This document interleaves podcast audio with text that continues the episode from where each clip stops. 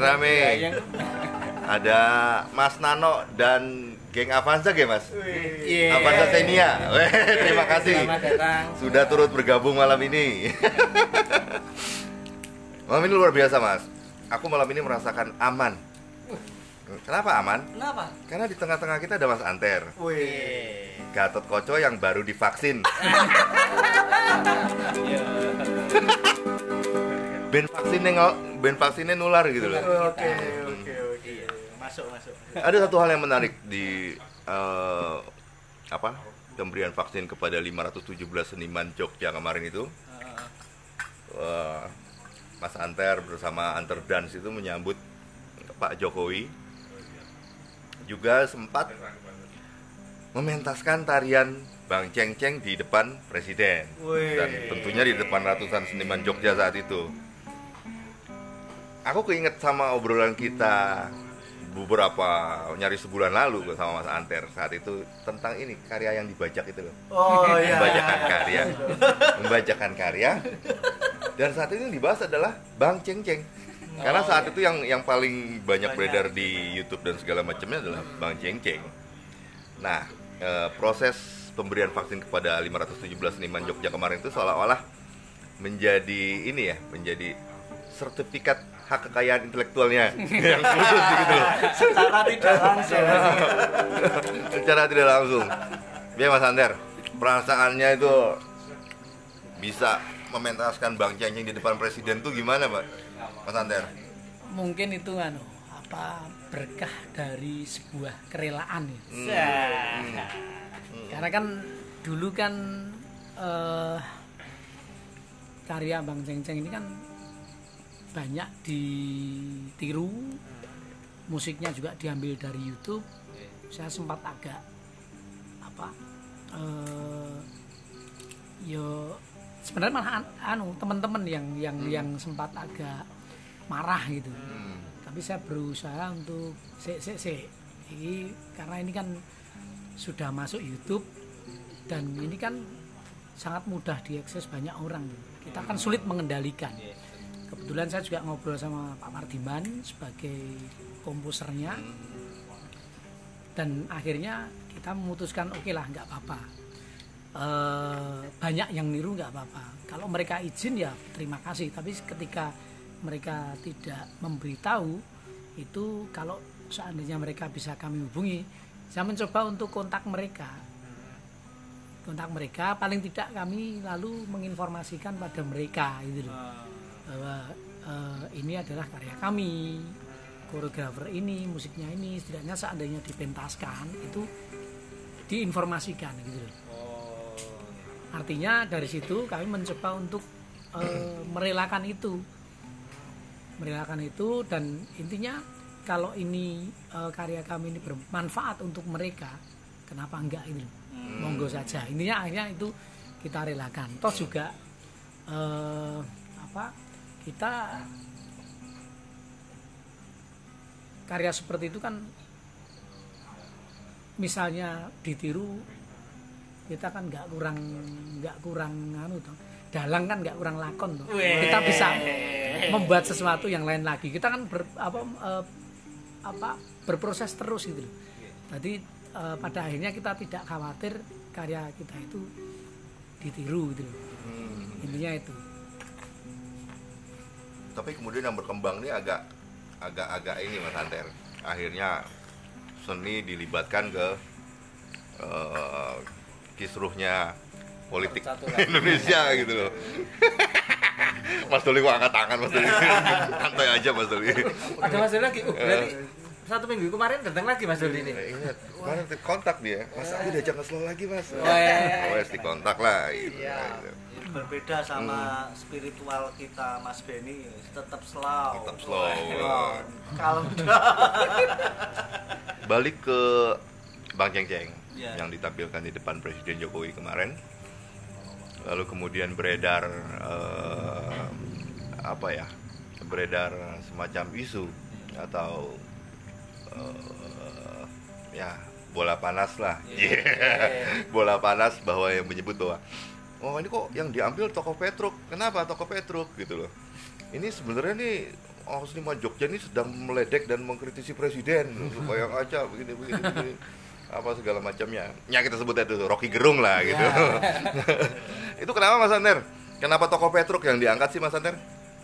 Oke, eh, mungkin saya bisa bercerita Oh, oh. kronologinya ya. Jadi eh, mungkin ini banyak juga yang anu, yang apa eh, bahasa Jawanya itu ngerasani, mungkin itu juga karena eh, s- mungkin sekelas presiden kok mungkin yang disajikan kok Petro gitu loh. Hmm.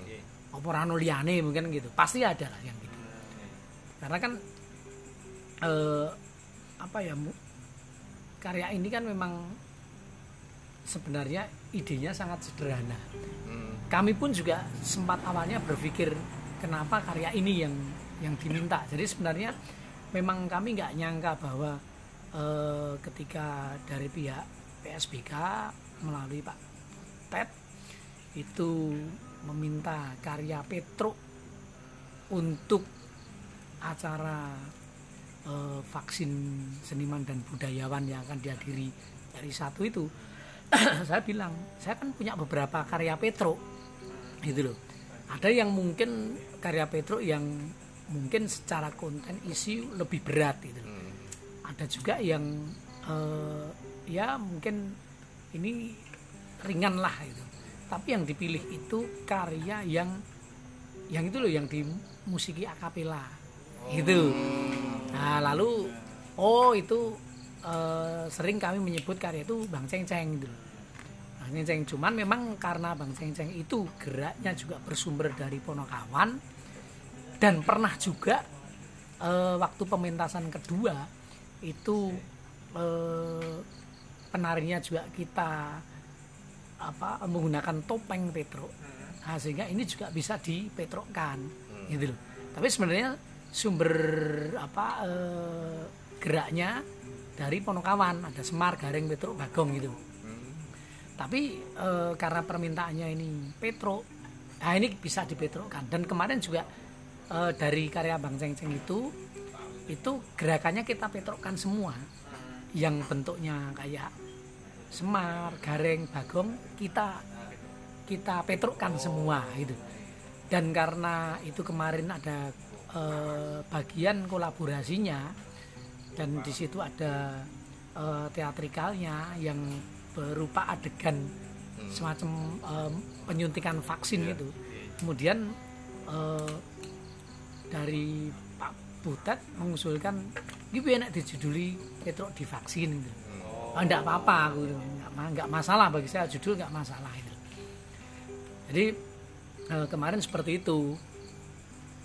Kemudian eh, kayak yang tadi disampaikan kok tiba-tiba dibawa ke politik. Bagi saya membaca karya itu sebenarnya bebas intinya gitu. Cuman memang eh, karena saya juga mendengar dan ternyata eh, yang apa mengomentari itu seolah-olah seperti sok tahu gitu loh. Kalau menurut saya sok tahu karena dia menganggap eh, karya ini memberikan sindiran ini dan sebagainya itu kan. Padahal kita jauh dari itu dan berbeda sekali. Justru sebaliknya sebenarnya. Karena begini, di situ eh, judulnya ada jelas di situ. yang divaksin itu Petro atau Pinocchio gitu kan Iya. Nah, barangkali mereka itu referensinya hanya Pinocchio, kan gitu. Orang ngerti Petro, barangkali ya, gitu. Karena begini, kalau itu eh, kalau itu dianggap eh, eh, apa menyindir ataupun mungkin katakanlah eh, sebenarnya itu menghina atau apa gitu ya, itu jelas gak mungkin. Karena apa? Lihat saja dari beberapa karya Petro saya. Saya itu Petro kan tidak hanya menggunakan referensi yang orang eh, umum gunakan seperti mungkin versi sekedar versi pedalangan, kemudian ada eh, mungkin eh, filosofi tentang Punokawan dan sebagainya. Saya justru menggunakan referensi yang berbeda. Yang di situ eh, pada akhirnya saya sangat mengidolakan. Jadi masa aku apa eh, menganggap Petro itu elek wong itu dolaku kok. Gitu. Dan eh, perlu diketahui bahwa Petro itu ya, entah itu percaya apa tidak eh, ini salah satu eh, versi juga itu sebenarnya kan wujud lain dari yang atau bisa dikatakan dewa. Ada yang menyebut dewa ada yang mungkin eh, pada waktu eh, awal itu mereka eh, wujud danghyang tetapi kan lalu kan biasanya kan munggah atau naik kan terus lainnya eh, setara dengan dewa. Itu kalau versi kami itu yang pecuk-pecukilan. Kalau versi pedalangan itu bambang penyukilan itu. Itu agak agak berbeda pengertian tapi kan nggak apa-apa. Ah dengan eh, referensi itu berarti si Petro itu sebenarnya kan dewa. Sesuatu yang luhur gitu. Sosok apa, sosok yang luhur gitu. Bahkan tidak berbeda dengan Ki Semar juga. Bahwa mereka memang merelakan untuk turun ke Arcapada. Momong Satrio Tanah Jawa. Ngomong Satrio Nusantara gitu. Intinya gitu. Sama gitu. bahkan ini ya eh, mungkin banyak yang tahu ya kalau orang Jawa bahwa sosok Petro inilah juga yang ngemong salah satu presiden kita Pak Harto. Kan gitu kan? Lah mosok aku apa sendiri ngangkat Petro ini dan disajikan di hadapan presiden terus dianggap itu sebenarnya menyindir menghina itu nggak mungkin. Wong itu idola saya. Itu kan idola saya. Ya memang itu tadi seperti yang saya sampaikan. Referensi mereka itu cuman Pinocchio gitu kan. Kelas ini kuwi gitu loh gitu kan. Jadi tidak tahu tentang Petro yang sebenarnya. Gitu. Menarik ya karena ternyata ternyata ketika eh, kita kupas bahwa tokoh Petrus sendiri sebenarnya kan eh, kalau selama ini secara umum hanya sebagai apa ya tokoh yang jenaka tokoh tokoh-tokoh di pewayangan secara jenaka tapi ketika kita mendengarkan Mas Santer tadi tidak hanya dari sisi itu sisi yang lebih dalam dan lebih luas ternyata bisa dikupas gitu gitu loh. Dan ini uh, memang sebenarnya harus harus banyak jadi referensi masyarakat lagi mengenal tokoh-tokoh seperti itu ya itu salah satu keuntungannya srawunge oke koncone oke srawunge oke nek wong eh, wong tari iki ora koncone ming cah tari tok. Gitu loh itu ngono kuwi. Ya ya dong coba-coba barang itu kita sing jelas kerpi kopi nipun dan diperbanyak tiada hari tanpa kopi nipun betul saya saya saya sangat senang sekali ya mendengar Mas Santer menjelaskan dengan tenang santai. Tidak apa-apa ketika melihat sesuatu karya dari sudut pandang mana. Tapi kita kita mengerti artinya seperti ini. Eh, tidak mewanti-wanti tapi alangkah baiknya ketika melihat sebuah karya kemudian mengambil benang merah. Karena sangu sangu untuk melihat karya itu berpengaruh kepada pengambilan benang merah itu. Kalau luput dan sampai seperti ini ternyata kebalikannya kan? Piye itu loh. Ya toh? Lucu sekali menurut saya. Dan alangkah bener-bener siapa pun itu entah si A entah si B bahkan saya sendiri pasti dengan ini semoga bisa lebih berhati-hati dalam membaca sebuah konsep kesenian apa pun itu. Ya toh mas?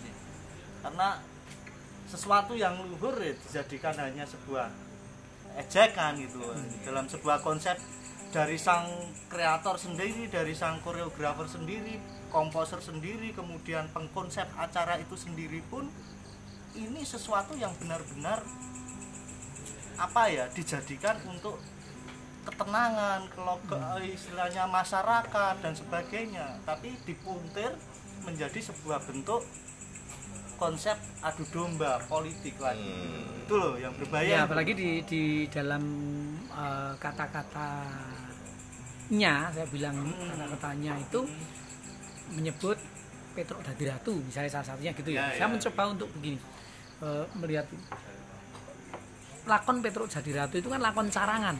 Lakon carangan itu lakon yang tidak tidak tidak pakem lah. Nah, Gitu, tidak pakem. Sesuai dengan yang membuat itu. Ya. Artinya ketika itu lakon carangan itu kan menurut persepsi dari si pembuat cerita itu gitu kan. Kalau saya melihat Petruk Dadi Ratu dalam hal ini bisa juga kami apa eh, artikan lain. Nah, yang diketahui hanya Petruk Dadi Ratu itu dianggap yo wong sing bodho, njuk dadi ratu, njuk dadi itu kan koyok kepeksa itu loh. Wong ra mampu mimpin kok, gitu lah. Hanya melihat di situ. Tapi bagi saya Petruk Dadi Ratu itu justru saka wong cilik wae iso dadi pemimpin nek punya Oh, kemauan gitu biasa. Gitu loh. Ini loh, Nek punya loh. kemauan iso dadi pemimpin gitu. Sehingga misalnya lakon Petruk Dadi Ratu itu pun sakjane bisa dimaknai lain, tidak Iya, tidak iya. selalu dimaknai yang negatif, gitu loh. Kalau saya lebih ke situ Petruk Dadi Ratu ya bukan kok terus oh, ketika jadi ratu terus dianggap ini terus aji mumpung dan sebagainya. Ya tidak harus itu. Saya bisa membuat lakon lain wong itu lakon carangan kok bukan lakon lakon pakem kok. Sehingga ya tergantung dalangnya atau tergantung yang nyanggit gitu loh. Kan gitu terus jadi ratu itu. Kalau saya gitu. Kemudian eh, kalau eh, mereka itu mem- membaca atau tahu eh, sinopsisnya mungkin atau narasinya itu mungkin eh, akan berbeda banget. Mereka kan nggak tahu apa eh, sinopsisnya seperti apa narasi untuk karyanya seperti apa gitu yang tahu ya anu apa eh, kepresidenan kemarin minta minta itu. Termasuk minta lagunya itu seperti apa toh terus sinopsisnya seperti apa gitu. Bahwa walaupun eh, di situ Pak Butet bilang bahwa kenapa Petro? Karena ini juga eh, Pak Jokowi ini kan sering diidentikan dengan Petro ini. Hmm, Kalau orang itu eh, hanya taunya Petro kaya sing biasanya itu ya, itu mungkin nggak begitu bagus anggapannya. Wah Petro itu, tapi bagi saya wah istimewa itu Petro itu. Makanya eh, koleksi saya itu Petroknya Sama Petro. Pengen macam ini ya karakter dari iya. Petro eh wis iso disimping gitu jadi simpingan orang mikir khusus kotak. tengen Nah, ya. jadi khusus kotak Petro. Nah, karena saking bagi saya sangat istimewa. Karena eh, Petro itulah juga dia itu eh, sebagai pamong kan pernah sebagai penasihat. Penasihat. Saya sering menasihati ketika ono bendorone eh, itu mau berbuat salah. Kemudian beliau itu eh, si Petro itu sendiri juga sering biasanya dodo itu loh. Misalkan eh, dari pendowo itu mau meminta tolong siapa dia siap. Siap menjadi duto. Petro itu di antara pundakan biasanya wih kulo mawon yang misalnya budal neng di atau budal ke mana untuk menyampaikan pesan tuannya artinya dalam eh, hal ini kalau saya melihat loh Petro itu kan selain eh, sebagai abdi pak momong penasihat kan juga pelayan lah pemerintahnya juga atau misalnya presiden kayak itu kan juga bisa dikatakan bahwa mereka itu pelayannya rakyat toh. Untuk- bukan bukan berarti terus mentang-mentang penguasa tidak bagi saya gitu sehingga menurutku yo yo cocok ya kita bisa memaknai bebas lah tapi bagi saya seperti itu gitu. Pak Butet mengatakan iki banyak orang yang mengidentikan itu. Tetapi di dalam narasi eh, karyanya itu justru Petro itu kita eh, jadikan sebagai eh, simbol memang rakyat rakyat bawah gitu loh. Yang mungkin eh, sudah lama terdampak pandemi kemudian berharap apa eh, menerima vaksin kemudian ada pengumuman bahwa mau eh, apa eh, pemerintah mau apa memberikan vaksin pada masyarakat secara gratis kemudian wah menyambut itu. Kemudian mereka juga ada kan ada gerakan yang ini gerakan yang bersumber dari gerakan cuci tangan itu kan ada itu gerakannya. Nah itu itu kan berarti kan si Petro itu sendiri mendukung mendukung eh, pemerintah dengan mentaati protokoler misalnya kayak gitu loh jadi eh, harus dilihat itu jadi saat jane iki yo kabeh iki ngomong apik kok saat jane gitu. Orang malah kaya sing disampaikan mereka. Neng mungkin nek uh, uteke iki elek ya mungkin sing disampaikan mesti elek. Nah, gitu loh. Jadi kalau kita berpikirnya baik, saya rasa juga apa yang disampaikan baik. Tergantung itu. Makanya kan saya ngomong itu nganu apa eh, mungkin ya sok tahu kemudian tidak wong tidak ngerti tidak meng, apa mengklarifikasi tidak ini mengenai tari ini kok seolah-olah menyimpulkan. Menyimpulkan seperti itu. Kan jadi malah kita bisa mengukur kualitas mereka. Gitu loh. Sakjane saya dulu itu mengidolakan sakjane. Maksud dalam artian gini, ini pinter tenan ini, saya anggap gitu. Tapi begitu ini kok malah belum berarti ora sido pinter saya yo. Berarti gagal mengidolakan ya. sempat terpengaruh Eh, Mas Gitu. Duli, ini menarik Mas Duli. Eh, karya yang ditonton kemudian dimispersepsikan. Eh, Mas Doli ini kan basicnya kan psikologi nih Mas Doli. Kira-kira basic apa sih Mas Doli harus dimiliki untuk menikmati sebuah karya supaya nggak mispersepsi itu? Ya mungkin sama seperti obrolan kita yang beberapa dekade dulu beberapa abad yang lalu ya suwi tenan gitu ya kadang-kadang gini kalau saya melihat Mas Anter ini ya sama seperti yang kita eh, bicarakan lalu masalah ngerti apa yang dilakukan. Hmm. Nah, sementara mereka hanya melakukan dan tersugesti lagi Oh. bahwa sosok Petro itu ya elit. Dia wis mental block akhirnya. Oh, Maksudnya mental hilang. blocking ya. Nah, itu yang yang seharusnya kan mereka harus ya itu tadi Petro itu sopo terus jane. Dipahami dulu falsafahnya bla bla bla bla bla, jangan langsung ngomong wah saya itu dari buku ini, dari penelitian ini, Petro itu ini. Ah, ya nggak iso. Penelitiannya yo di mana? Nah, itu. Jadi intinya ya terjadi mental block terhadap pemikiran dia yang intinya ya mencari kalau menurut Pierce itu ya eksistensialisme humanismenya.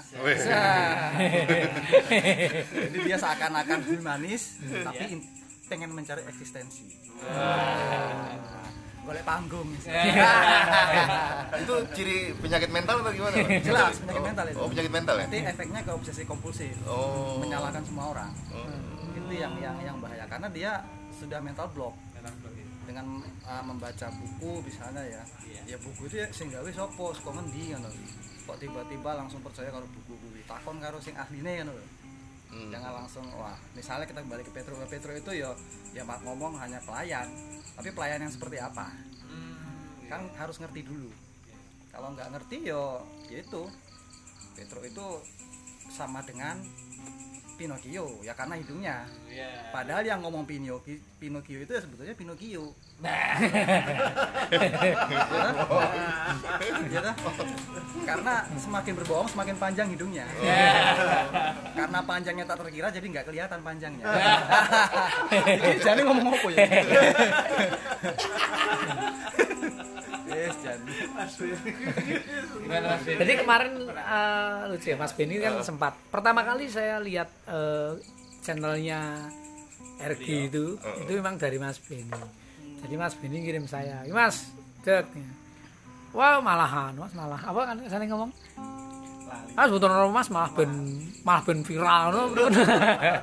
Jadi saya mensikapi itu tenang baik gitu. Walaupun waktu itu saya memang belum belum mendengar tapi kemarin sempat saya saya mendengar semakin oh lah wis ngawur nek ini. Jelas gitu. Ya jelas nggak mungkin lah. Wong, kalau saya misalnya itu berniat untuk menghina mengledek dan sebagainya aku mesti udah Petro. Sengkuni. Kalau itu jelas kalau itu jelas kalau itu sengkuni jelas. Tapi Petro yakin. Enggak ini ini ini sebenarnya ini ya mungkin mungkin ini adalah gejala umum kali ya Mas ya. Gejala umum masyarakat kita yang tidak mau atau tidak terlalu mengerti budaya tradisi tapi eh, memberi stigma macam-macam gitu ke budaya tradisi. Bener begitu mas? Aku enggak. Iya istilahnya analoginya dia ini biasanya mangan tempe tapi ngertinya tahu loh jadi sok tahu. Sok banget ya. Iki tempe loh iki tahu loh padahal tempe. Nah, jadinya sok tahu. Nek dicacah kan kan jadi kayak tahu ya. Harusnya lebih baik anu ya mas. Kura-kura naik perahu ya. Pura-pura kura-kura tidak tidak tahu. Ini ini jadi ini ya mas. Jadi aku tuh tadi bukan mau nanya itu sebenarnya. Tapi pas bakar rokok aku lali ini menjadi presiden bahwa tokoh-tokoh wayang itu selalu identik dengan hal yang sudah umum gitu. Kayak Petruk dianggap sebagai apa ya, pelayan ternyata kan pelayan yang punya tetap punya nilai keluhuran seperti itu. Itu terjadi di tokoh-tokoh lain juga mas Adar?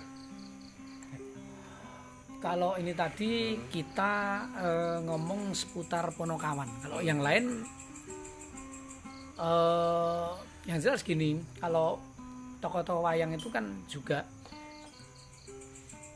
mungkin masing-masing itu itu juga memiliki karakter yang yang bisa ini bisa apa tergantung dari ini eh, perspektif mana lihatnya Hmm, ya. seperti yang pernah saya sampaikan itu gitu.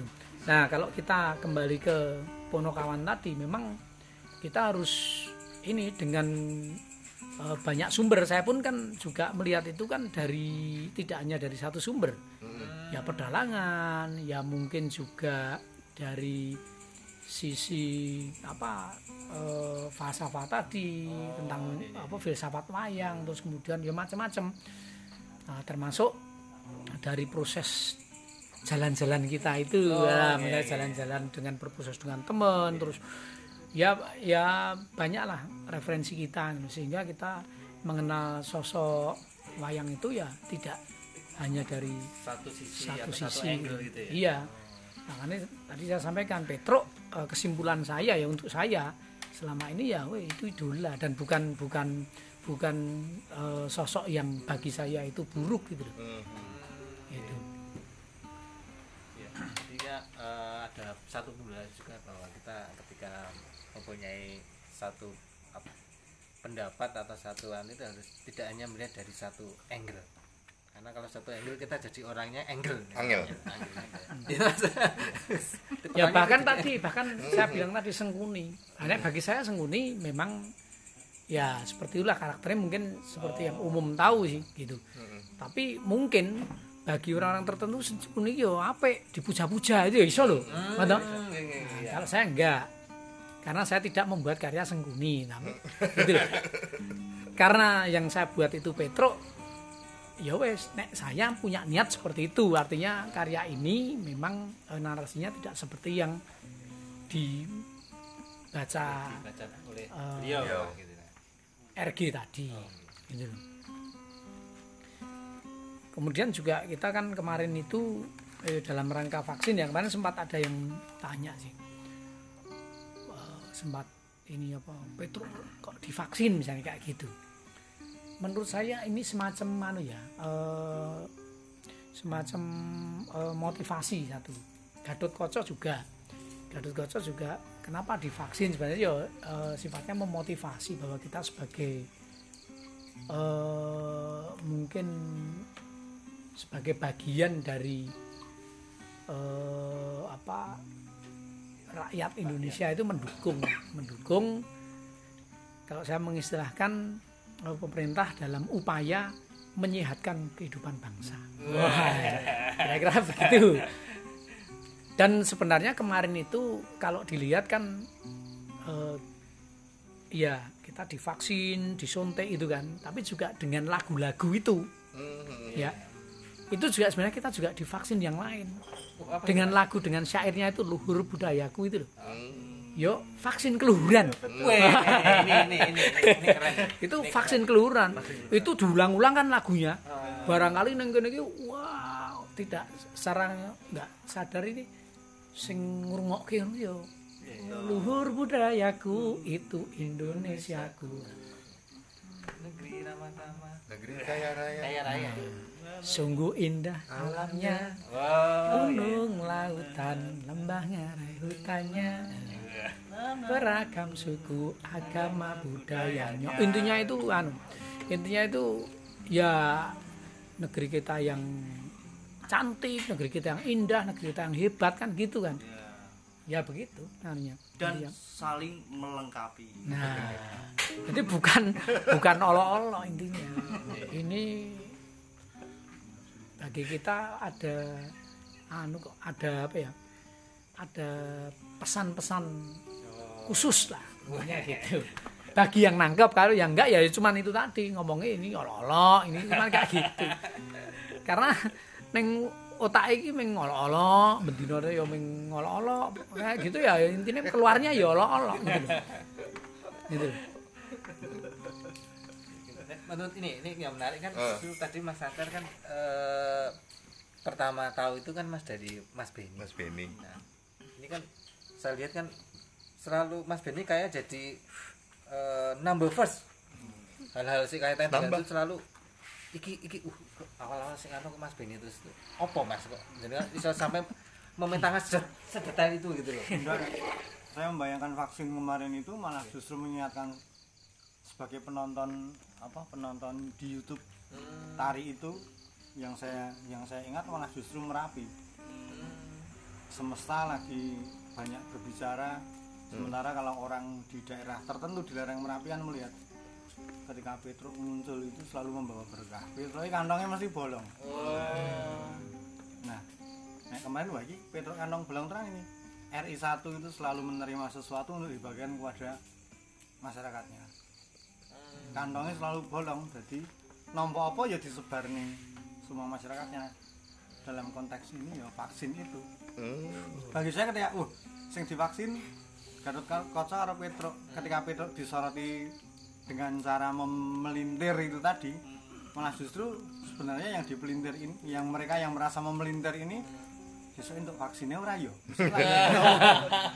Entuk ya dapat ya diambil juga mas. Mau, mau juga loh gratis kok. karena kantongnya Petruk tadi kan bolong mesti kan yo. Oh apa yang dia dapat pasti akan diberikan iya. Atau jangan-jangan mereka melintir karena mereka belum kebagian mas. kira-kira itu. Belum dijadwalkan jadi.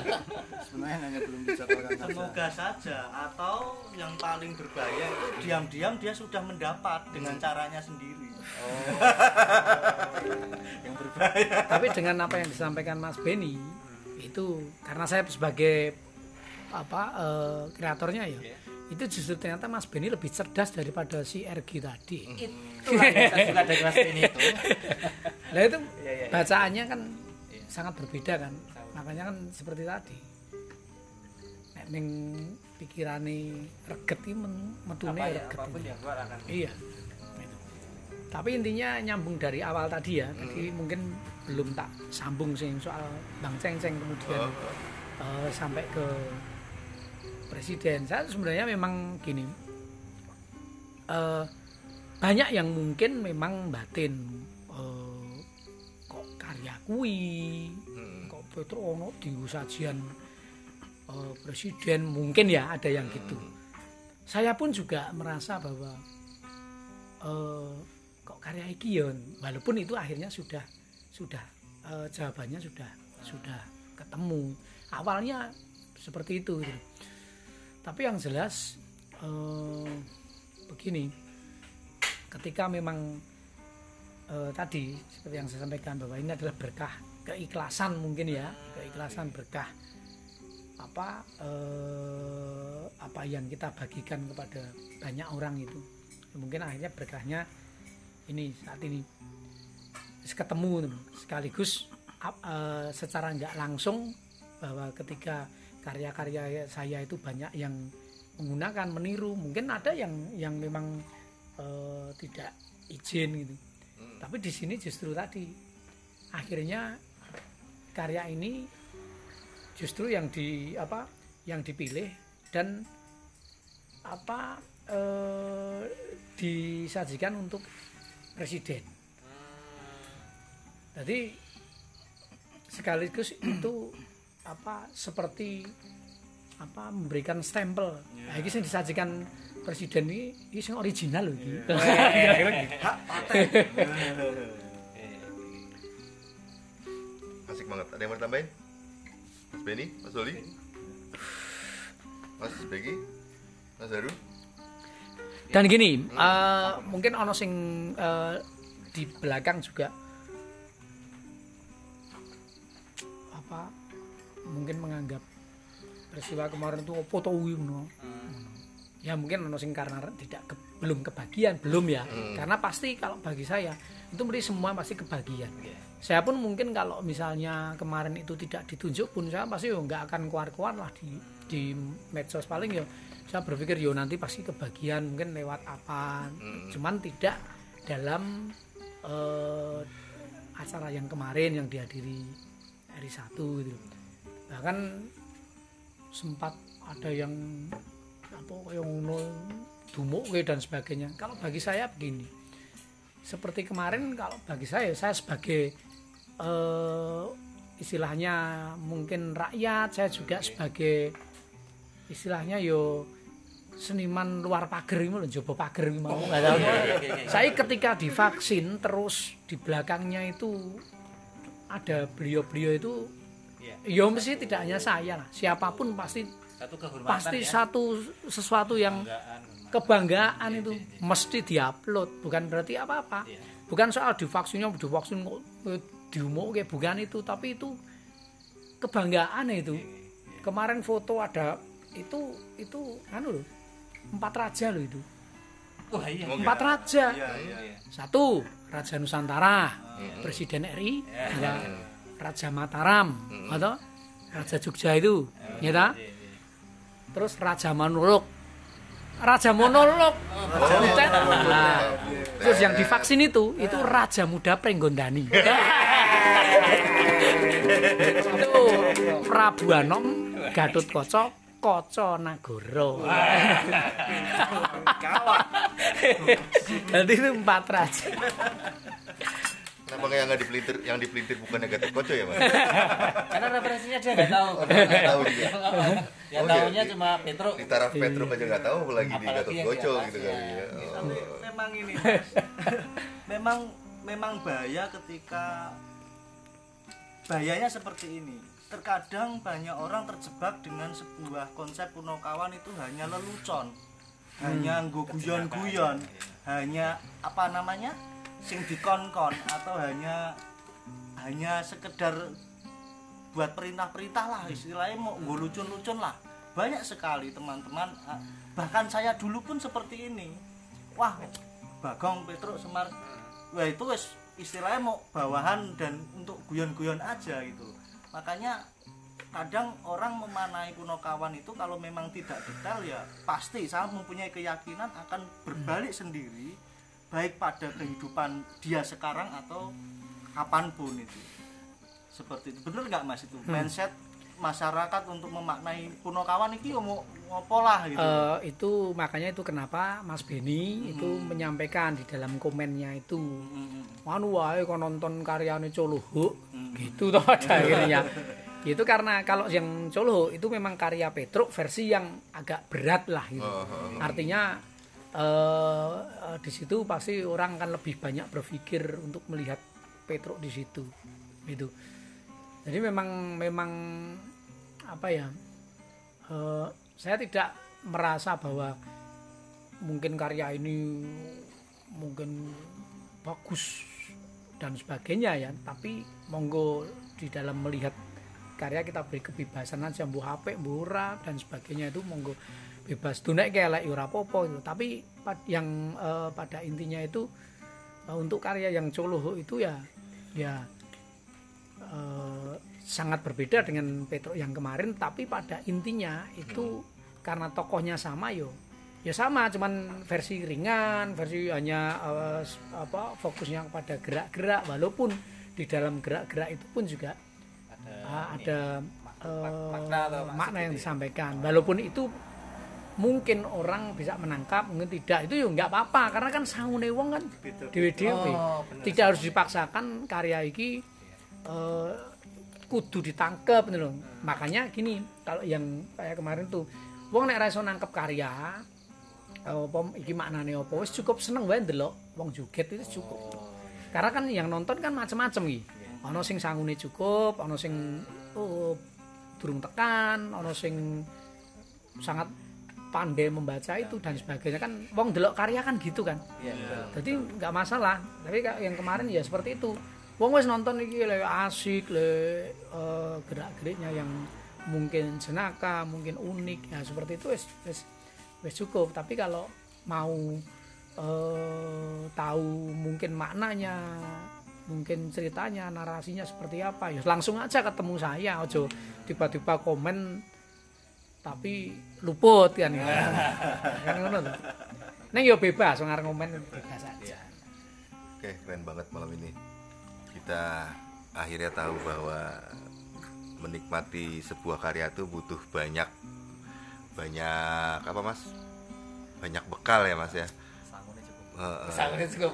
Ya, yang yang terpenting yang terpenting itu mas menjaga kebersihan otak gitu loh. Ben rosonya bersih juga gitu. Kalau otaknya kotor keluarnya kotor akhirnya apa segala macam. Kita juga akhirnya tahu dari Mas Anter Asmoro Tejo, koreografer Bang Ceng Ceng yang kemarin dipentaskan di depan Presiden Jokowi bahwa tokoh Petruk itu ternyata sangat mempunyai nilai yang sangat luhur, nggak semena, eh, nggak semata-mata cuma pelayan dan guyonan lelucon dan macam-macam itu. Ternyata punya eh, nilai yang sangat luhur yang juga sangat dipercayai di sebagian besar masyarakat Jawa bahwa kehadirannya selalu membawa berkah. Wah keren banget malam ini. Terima kasih Mas Anteras Morotejo, Mas Doli Filamenta, Mas Beni Empret ya seperti biasa. Oke, semoga yang mendengarkan Talk Slow gitu loh kali ini bisa menangkap banyak pelajaran. Walaupun kita bukan sedang mengajarkan. kita sama-sama belajar ya. iya. Loh, Yang terpenting konsep Punokawan ya gitu ya. Iya, eh, yang terpenting adalah tetap jaga kebersihan otak. Dan ada satu lagi. Apa lagi? Semoga orang berbahagia sesuai dengan Oh ya, semoga kita semua berbahagia dan gembira sesuai dengan Pak Karti masing-masing.